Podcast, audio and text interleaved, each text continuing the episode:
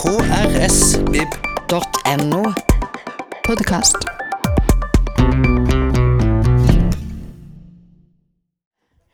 Ja, hei dere, og velkommen til Bjørneboe dager eh, Ja, dag tre, da, men jeg husker ikke nummer i rekka.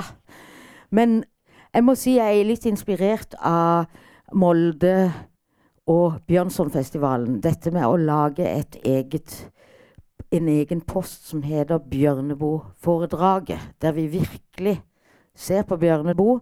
Altså den som skal komme og holde det. Hva er du inspirert av med Bjørneboe? Altså, hva er det som hva, hva, har han gitt til deg? Og da er det jo fantastisk at vi har en flott forfatter, lyriker, og ja, Han gjør så mye, egentlig. Oversetter og alt. Men jeg gleder meg til å høre Håvard Rem snakke om Bjørneboe som sin inspirasjonskilde. Ta godt imot Håvard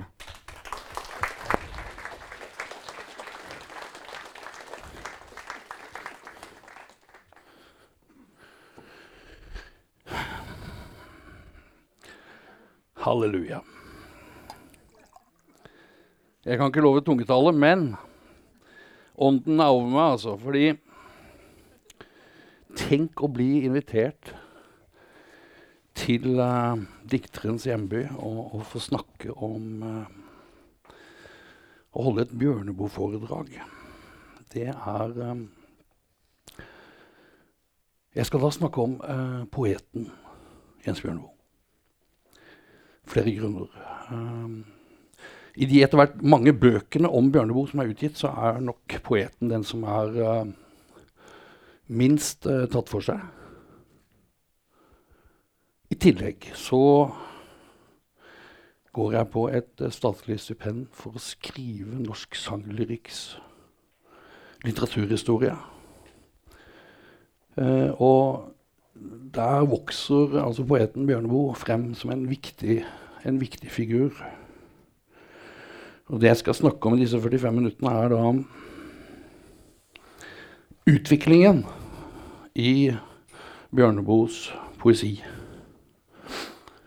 Uh, og også se den i forhold til den mer generelle utviklingen i, i lyrikken i norsk og lyrikk i denne perioden. Han utga jo strengt tatt kun tre diktsamlinger.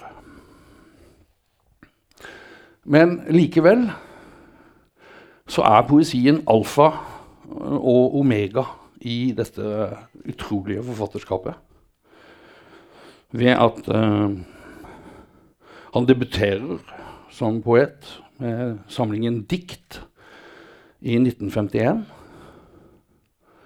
Og, og, det så å si siste han gjør eh, som forfatter, eh, det året han dør, i 1976, er jo å spille inn et musikkalbum, et platealbum, med, med, sin egen poesi.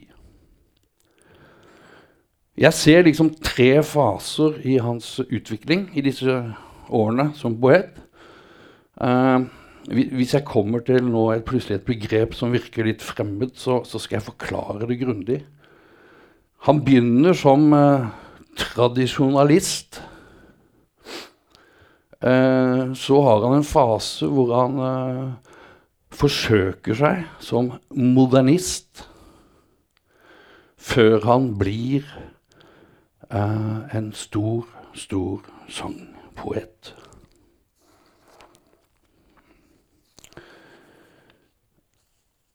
Altså, og når jeg bruker begrepet tradisjonalist og modernist, så, så, mener jeg egentlig dikt på rim og rytme. Det er tradisjonalistisk poesi. Og dikt uten rim og rytme er modernistisk. Det er en veldig sånn forenkling, men, men det er sånn, sånn, vi bruker det nå. Og det, det, som er litt spesielt for Norge, det er at altså, modernismen slår egentlig gjennom i 1945 andre verdenskrig. Hiroshima, holocaust, Gud er død, eller i hvert fall hans stemme er forstummet. Og i Sverige får du fyrtiotalisterna, som eh, med, med, krigens slutt begynner å skrive altså mo moderne dikt. Uten rim og rytme, og om hvor fremmede vi er i verden osv. Og det gjelder i mange europeiske land. Men Norge er et unntak. I Norge så fortsetter rim og rytme i 20 år til. Altså fra 1945 til 1965. Som, altså det tradisjonalistiske formspråket holder seg i 20 år da, etter krigen. Litt uvanlig. Og det, og det kaller jeg da sentradisjonalisme.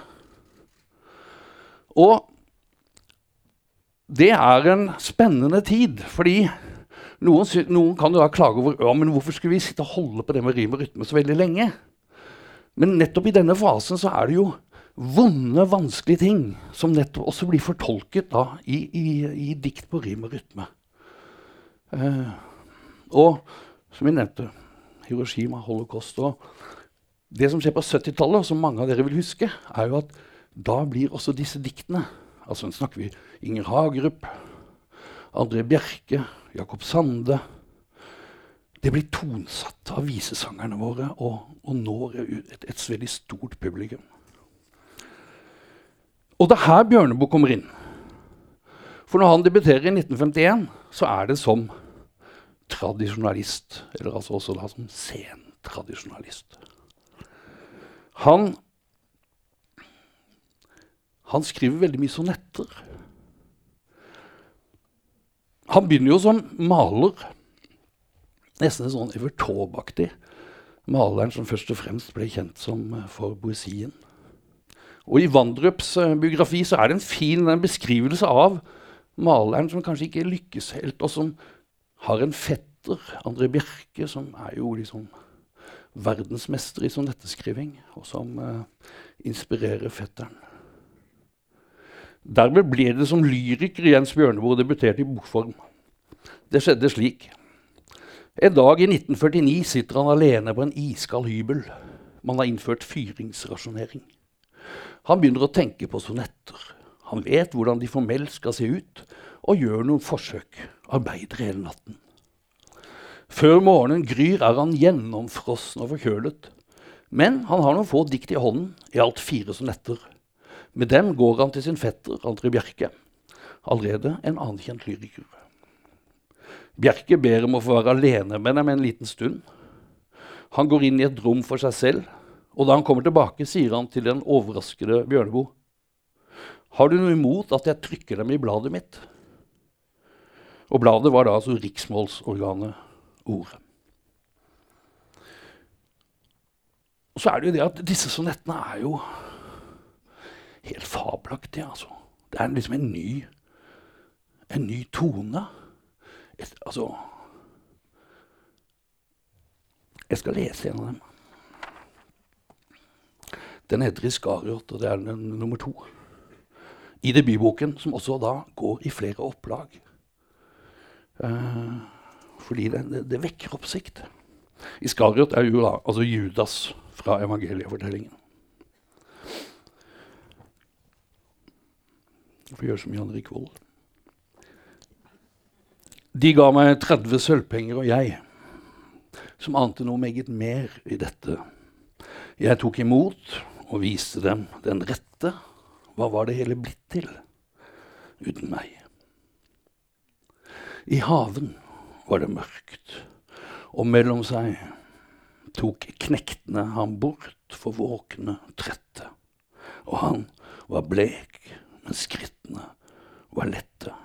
Så tok jeg pengene og gikk min vei. Det var en vår, og grenen som jeg valgte, var tung og duvende av blomstersne. Så var vi begge frukt på hvert vårt tre. Før pasja, påske, var det, husene var kalkte. Før det ble sabbat, måtte dette skje. De andre flyktet. Bare vi to ble.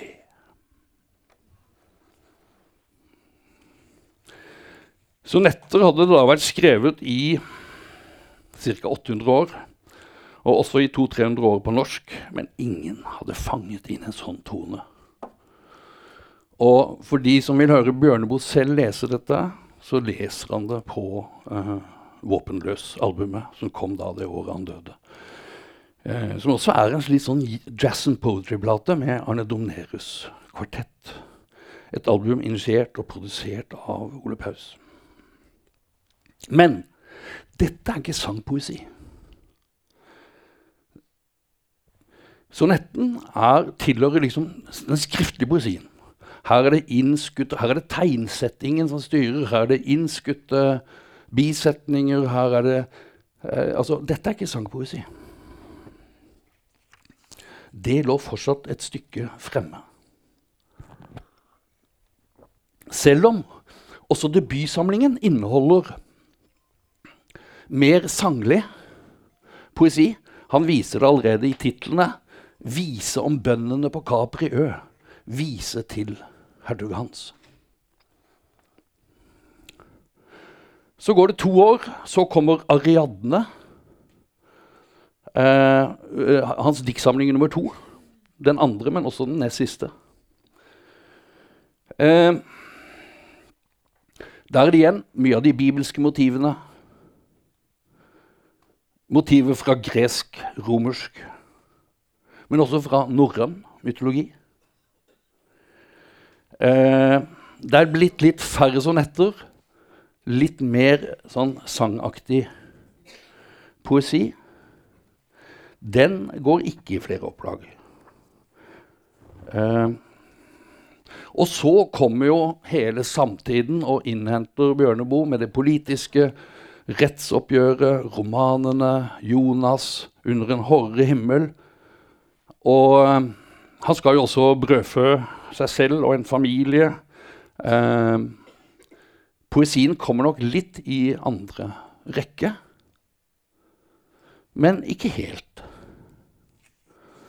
For så kommer vi over i en ny fase hvor han faktisk prøver seg som modernist. Å skrive dikt uten rim og rytme. Og Det er da en samling, 'Den store by', som kommer i 1958. og Den er interessant for å forstå liksom hele bildet. Eh, jeg sa jo at liksom, rim og rytme holdt seg stort sett uh, fra 1945 til 1965. Uh, det var først rundt 1965 at liksom, de folkekjære poetene begynte å slite med å få gitt ut uh, samlinger på rim og rytme. Og, fordi at nå hadde liksom, forlagene og anmelderne alle hadde skjønt at dette var utdatert. Men allerede ti år før så var debatten om rim og rytme kommet. Og, og, og om jeg, jeg sa at jeg ikke kunne love dere tungetale, men jeg kan i hvert fall love dere litt om tungetaledebatten. For det var nemlig det den ble hetende den, og det begynte med André Bjerke, som anmeldte en av liksom en tidlig bonalist, Erling Kristi, i 1954, hans debutsamling. Og så ble det liksom en debatt er dikt uten rim og rytme er det egentlig poesi. Er det ikke bare tungetale? Og, og dette er nok også litt bakteppet for uh, at uh, Bjørneboe faktisk vil prøve ut modernismen. Han tilhørte jo liksom et sånt litt verdikonservativt miljø rundt Riksmålsforeningen, Ørnulf Øverland, André Bjerke. Men han var også i opposisjon til det. Og, og han var nok litt splittet i, den, i forhold til den debatten. Eh, Arnulf Øverland var jo krystallklar. Nei, klart, altså, dikt man skal må være rim og rytme. Han sier i 1959, omtrent samtidig med denne samlingen til Bjørneboe, så sier han Hva skal vi med rim? Nei, sant å si, det kan jeg ikke svare på. Ikke annet enn at det er et nytelsesmiddel. Og kanskje det er derfor det nå skal bli forbudt. Den store by, det er en uh, veldig ukjent side ved Bjørneboe. Men det er hans forsøk på å skrive seg inn i den uh, altså, modernistisk dikt. Det er liksom en blanding av T.S. Eliot, 'Wasteland', som møter John Bunyan og 'Pilegrims uh, vandring'. Og det, det blir ingen suksess. Han, han, han bytter til med forlag med den boka. Han går til Cappelen, hvor Henrik Kroth sitter og egentlig ikke har noen skjønnlitterær stall, men er interessert i å bygge opp en. Og henter inn litt sånn eh, forfattere som vil prøve nye ting, eller som kanskje ikke får gitt ut på Altså, han henter Aksel Jensen, som da hadde gitt ut på eget forlag tidligere. Og han henter Jens Bjørneboe fra Aschehoug, eh, med 'Den store by'. Det er et kjempelangt dikt i tolv avdelinger. Å, tusen smerters by, du står igjen i stoffer som er tynnere enn luft og fastere enn lava. For dette som vi kaller smerte, det kaller andre vesen evighet. Og så videre. Det er ikke det Bjørneboe blir husket for. Men i samlingen så er det også en avdeling med vers, rimdikt. Og nå er sonettene så å si borte. Det er én der. Nå skriver han egentlig veldig tett opp til visa. En av hans mest kjente poetiske tekster er i Den store by. Og det er den 'Mitt hjerte'. Mitt hjerte, det er et foreldreløst barn. Så det er på en måte en veldig sånn splitta samling. På den ene siden, Sonettene er liksom det der litt sånn mer eh, kunstferdige, skriftlige måten å bruke rim og rytme på. Det er borte. Og så har han dette modernistiske forsøket med Den store by i tolv deler. Men så har han også disse mer sånn viseaktige tekstene.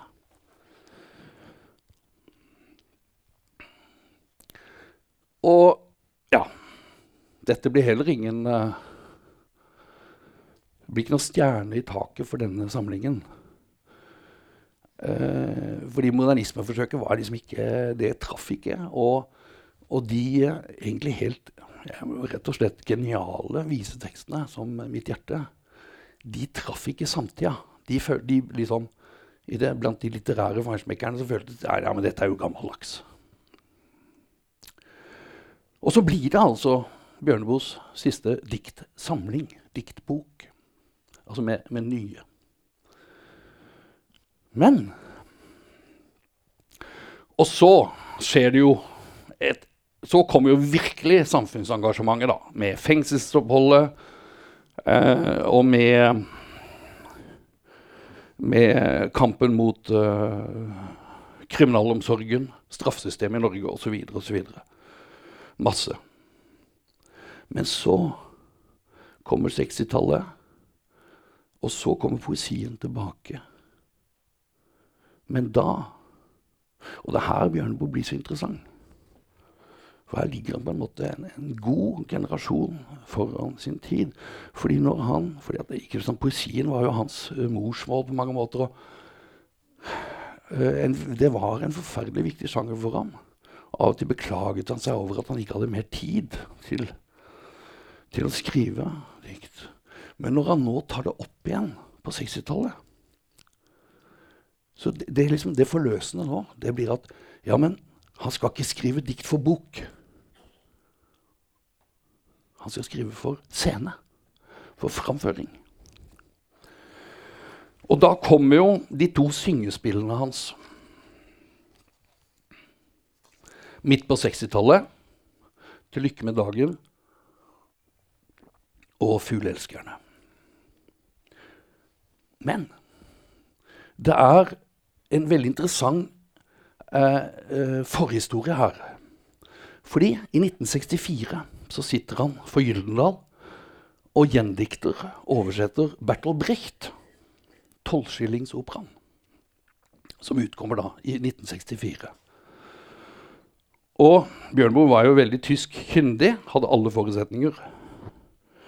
Men det er akkurat som om Brecht viser han For Brechts syngespill er jo liksom en blanding da, av vanlig teater og sangnummer som bryter også med som, ja, som, har en veldig viktig funksjon.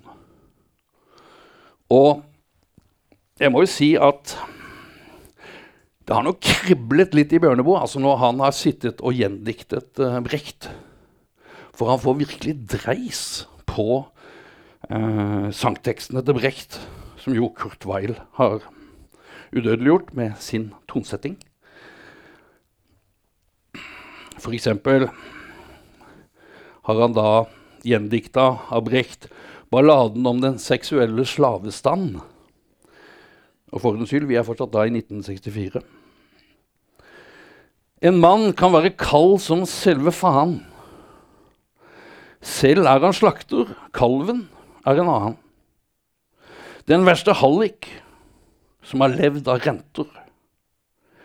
Hvem knekker ham, og som knekker alle? Jenter. Han stritter mot, men gjør det når han kan. Det er den seksuelle slavestand. Han tror ikke på Bibelen, blir aldri pasifist. Han tror han er den største egoist. Han vet at kvinner gir den verste rus, og tåler ingen kvinner i sitt hus. Men han skal ei rose dagen før den svinner. Før natten kommer, ligger han hos kvinner. Og dermed var jo tonen Dermed hadde han liksom funnet tonen, språket, rammen for neste fase i sin poesiskriving, nemlig å skrive sangtekster. Og det blir jo da to fremragende eh, syngespill. Oppført i Oslo da i 65 og 66 med Finn Luth som komponist. Og det er, det er, nesten trist å tenke på hvor lite verdsatt disse syngespilltekstene hans er, for de er så bra. Uh, en av de som skjønte det med en gang, og som ga dem anerkjennelse allerede i 1966, det var Georg Johansen. Han redigerte i 1966 en veldig viktig antologi som het Norsk lyrikk etterkrigstiden. Utkom i Lanterneserien på Gyldendal. Eh, summerer opp eh, norsk poesi etter 1945. Eh, fra Tarjei Vesaas til Jan Erik Vold. Og mens med tradisjonelle antologiredaktører på en måte har oversett Bjørneboes sanglyrikk og liksom ikke regnet det som en del av norsk lyrikk, liksom. Uh, som jeg skal gi eksempler på seinere. Så Georg Johansen ser det med en gang. Selvfølgelig også fordi Georg Johansen var Brecht-kjenner og Bertolt Brecht-elsker. Så han ser det retoriske eh, ja, Han ser mesterskapet. Og i denne boken så, så, så tar han inn tekster. Og dette er et veldig smalt eh, eh, elitistisk utvalg av norsk lyrikk etter krigen. Men der tar han altså inn tekster fra både 'Til lykke med dagen' og 'Fuglelskerne'. Men så går de liksom i glemmeboka, da. Eh,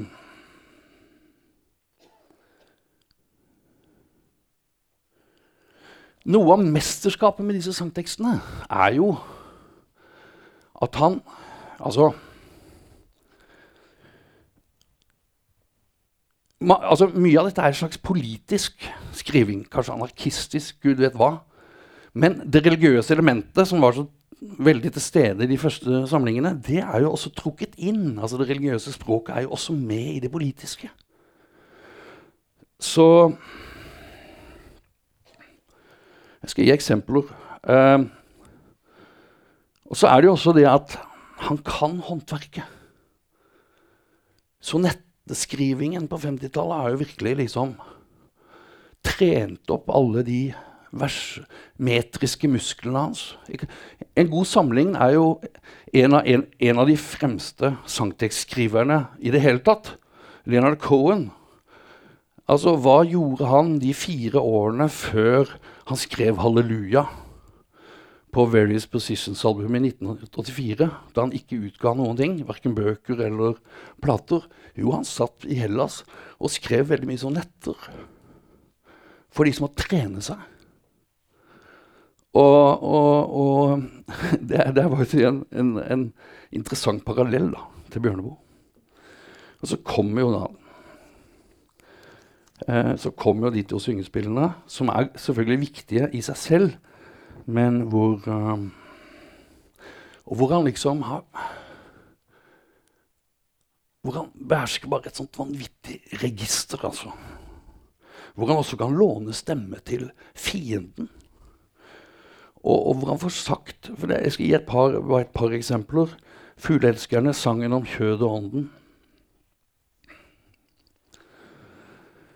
Jeg spiser gjerne brødet jeg holder i min hånd. Ti kjødet er av kjødet, kun ånden er av ånd. Jeg liker fete kvinner. Jeg liker kyllingbryst. Samt blåskjell, kreps og blekksprut som vokser ved vår kyst.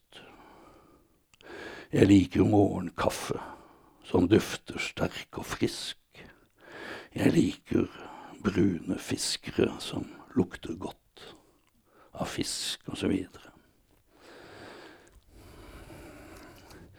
Men i et skuespill så er det jo mange som fører ordet, ikke sant?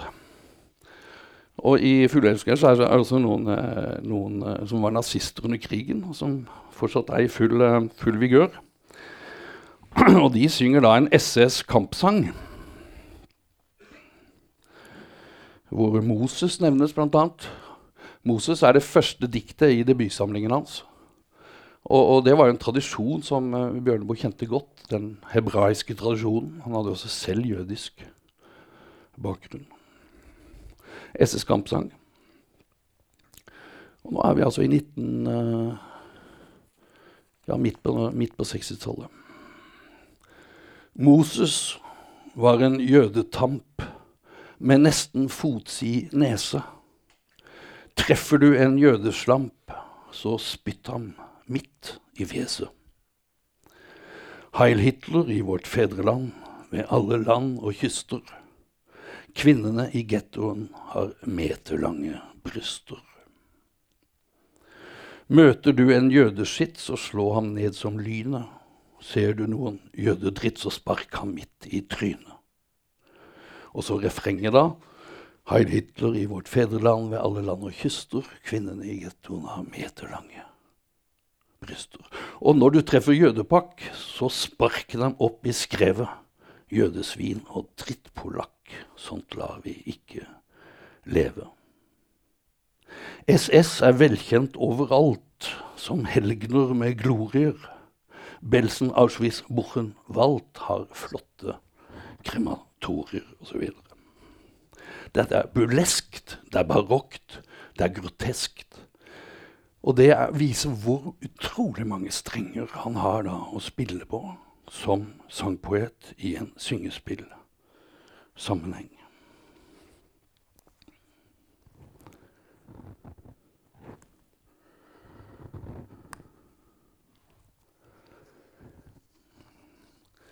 Fortsatt kan det ligge ting eh, En han jobbet mye med det var en annen syngespillforfatter på den tiden, Helge Hagerup. Eldste sønn av Inger Hagerup. Og eh, jeg har snakket en god del med hans sønn igjen. Henning Hagerup, forfatterresist. Som har veldig sterke minner fra barndommen på feriestedet nede i Aust-Agder, hvor, hvor Jens Bjørneboe og Henning Hagerup sitter og skriver syngespilltekster sammen. Og, og, vi er vel egentlig blitt enige om at vi skal prøve å, eh, å se om det, om det, kan være noe, noe upublisert tilbake av det.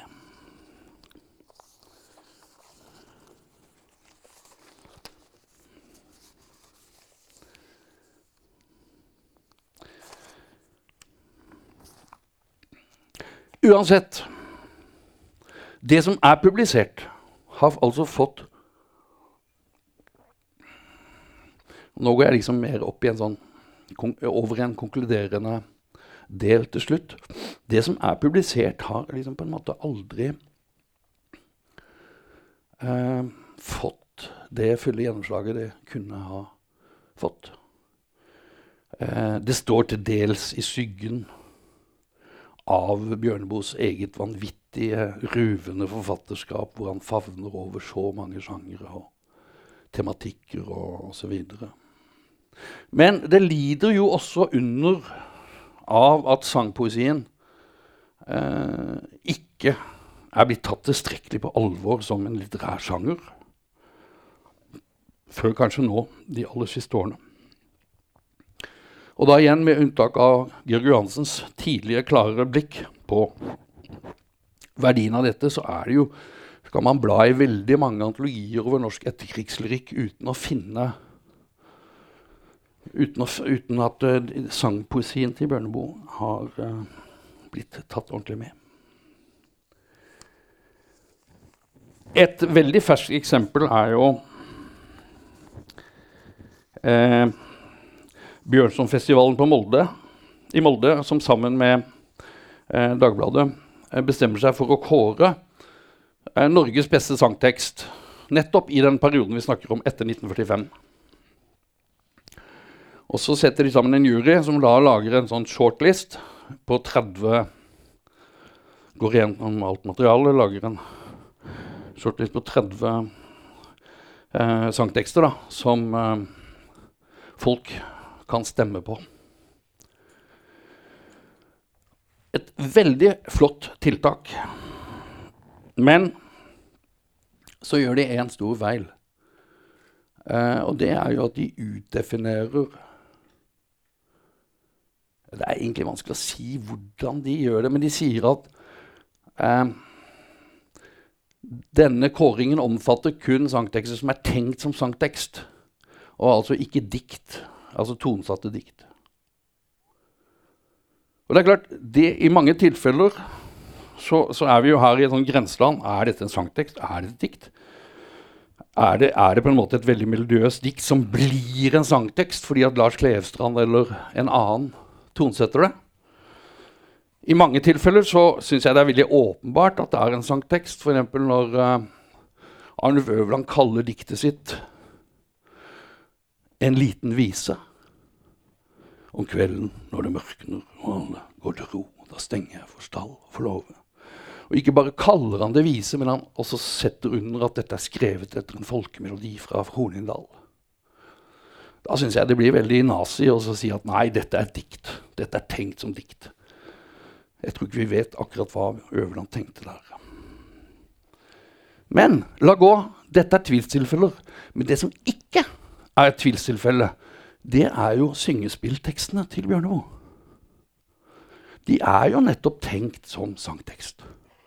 De er skrevet som sangtekst for fremføring på Sentralteatret i Oslo. De er skrevet i samarbeid med komponisten Finn Luth. Og det er som sangtekster de urfremføres på en måte. Og allikevel så utdefineres det.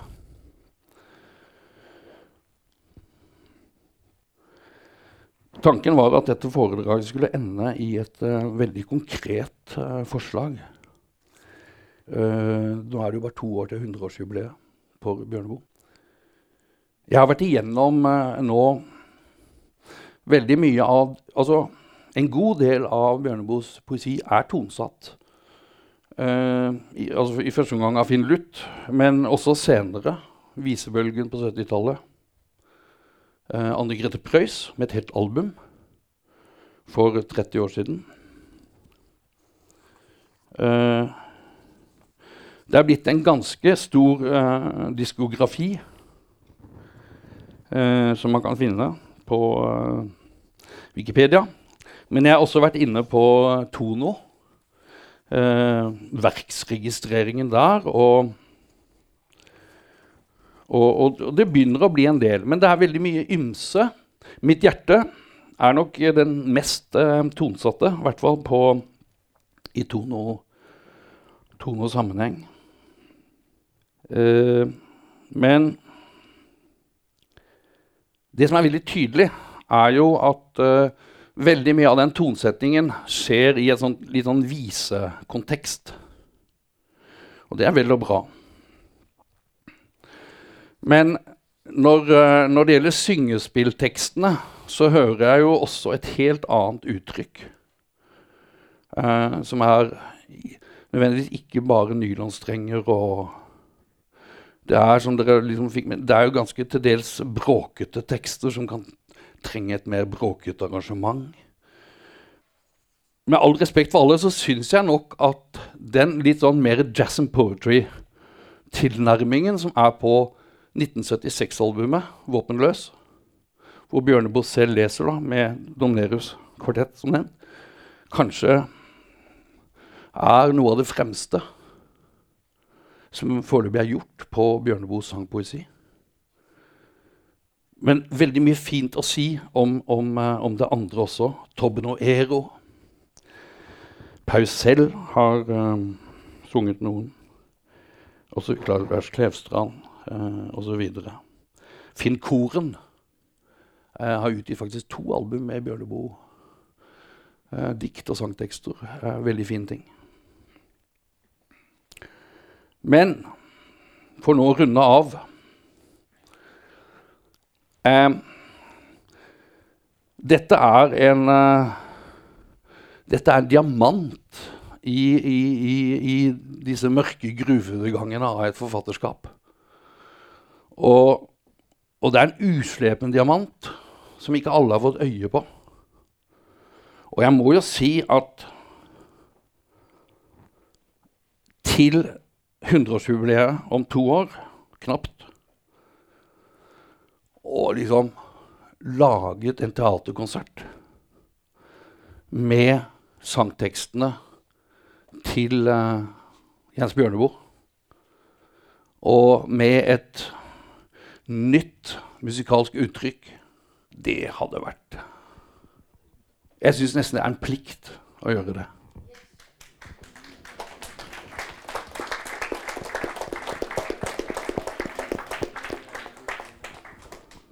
Da vil jeg eh, takke for meg.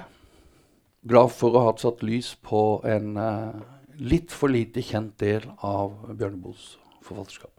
Tusen takk.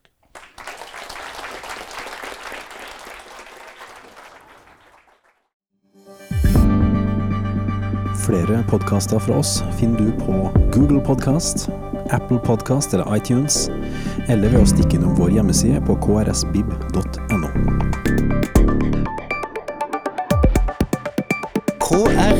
krsbib.no. Podkast.